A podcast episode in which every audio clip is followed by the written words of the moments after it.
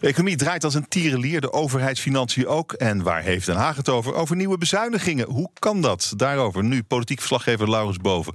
Laurens, het heeft te maken met gaswinning en een superhaags probleem. Leg uit alsjeblieft. Het is een uh, zo Haags probleem, Roelof, dit... dat uh, zelfs mensen die vrij hoog in de boom zitten... hier op het Binnenhof ook allemaal niet, niet allemaal begrijpen... hoe het nou precies zit. Uh, het heeft er alles mee te maken met hoe de begroting in elkaar steekt.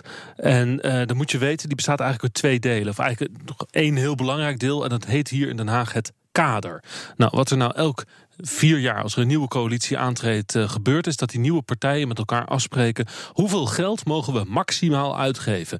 Dat is het kader. En, en binnen dat kader uh, mogen ze schuiven met posten uh, wat ze willen, zolang ze dat maximum maar niet overschrijden. Betekent dus bijvoorbeeld dat als er ergens tegenvallers zijn, zodat dat binnen die begrotingen moeten oplossen. En je mag niet meer geld gaan lenen. Dus het kader, het maximale bedrag, moet, mag niet worden overschreden met extra geleend geld. Dat is een soort zelfverdediging die politici hebben afgesproken om um, ja, niet onbeperkt geld uit te gaan geven. Op zich is dat dus heel verstandig, zoiets om te doen. Nu is alleen het probleem dat ze aan het begin van deze kabinetsperiode hebben afgesproken om de inkomsten van de gaswinning in dat kader te zetten. Hm. Dat was vroeger niet zo. Vroeger was dat gewoon, uh, maakten ze helemaal aan het eind. Hè, maak je, tel je alle inkomsten bij elkaar op, alle uitgaven tel je bij elkaar op. Hou je een tekort over of een overschot op dit moment. Nou, en wat ze vroeger deden was dat ze de gasinkomsten gewoon aftrokken van dat bedrag. Ja, helemaal aan het eind werd dat verrekend. Tegenwoordig staat dat in de begroting.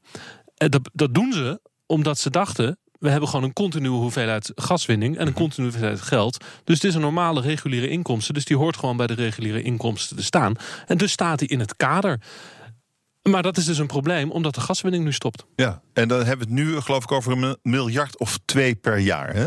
Ja, ongeveer. Dat bedrag loopt op. Hè. Dat is dus uh, wat ze dus mis gaan lopen. Dat is dus nu voor deze begroting waarschijnlijk een, een, paar honderd miljoen. Maar goed, dat wordt dus in de loop der jaren wordt dat meer. Inderdaad, zo'n 2 miljard staat er nu op de begroting voor de gaswinning. Um, het, het punt is dus, omdat het dus in de kaders staat, bij, bij de reguliere inkomsten, is het een gewone normale tegenvaller. En tegenvallers moeten dus leiden tot bezuinigingen op andere posten. Vandaar dus dat er nu op dit moment letterlijk op dit moment door het ministerie van Financiën, door minister Hoekstra, wordt nagedacht over hoe ze die tekorten gaan opvangen en waar er dus op moet bezuinigd worden. wat natuurlijk gek is, want het gaat hartstikke goed. We hebben mega, eh, mega bezuinigingen achter de rug de vorige periode. En in feite is dit een boekhoudkundig probleempje. Dan zou je zeggen, verander de regels een beetje. Ja, dat klopt. Dat kan je uh, afspreken. Dan heb je het wel over het regeerakkoord. dus het is niet zomaar even een boekhoudkundig probleempje. Het gaat vrij diep. Ja, ja. En je ziet dus ook dat op dit moment de coalitie verdeeld is hierover. je hebt bijvoorbeeld de ChristenUnie aan de ene kant staan en, en VVD, CDA aan de andere kant. D66 heeft een beetje een middenpositie. Over uh, we kunnen het ook anders oplossen. We kunnen ook besluiten dat we de gaswinning uit de kaders halen. We halen gewoon die 2 miljard van de begroting af. En we doen dat, zoals dat vroeger gebeurde onder het vorige kabinet, gewoon um, aan het eind. Hè, dat noemen ze in Den Haag, we laten het in het saldo lopen. Dat betekent dat ze het dus gewoon verrekenen met het overschot wat ze hebben op de begroting. Dan hoef je niet te bezuinigen, dat kan je ook doen. En daar gaat de discussie op dit moment over. Mm. En hoe denk jij dat die discussie gaat aflopen? Ja, de, het, het, het geinige is dat um, normaal gesproken, kijk, nu is er een overschot. Hè? Dus nu is het op zich geen probleem om dat te doen. Om dus gewoon te zeggen, we halen het van de begroting af, we trekken het af van het overschot. We hebben een beetje een kleiner overschot, maar goed, nog steeds niks aan de hand. Het punt is natuurlijk dat we ervan uit moeten gaan dat we op een bepaald moment ook wel weer een tekort hebben. En dan betekent het dat, uh, uh, dat je het gewoon optelt bij het tekort. En dat je dus in feite met geleend geld de afwikkeling van de gaswinning in Groningen betaalt. Nou ja, en dat wil natuurlijk uh, de, de, wat mensen die hier heel erg van begrotingsdiscipline houden op het Binnenhof, die willen dat natuurlijk niet.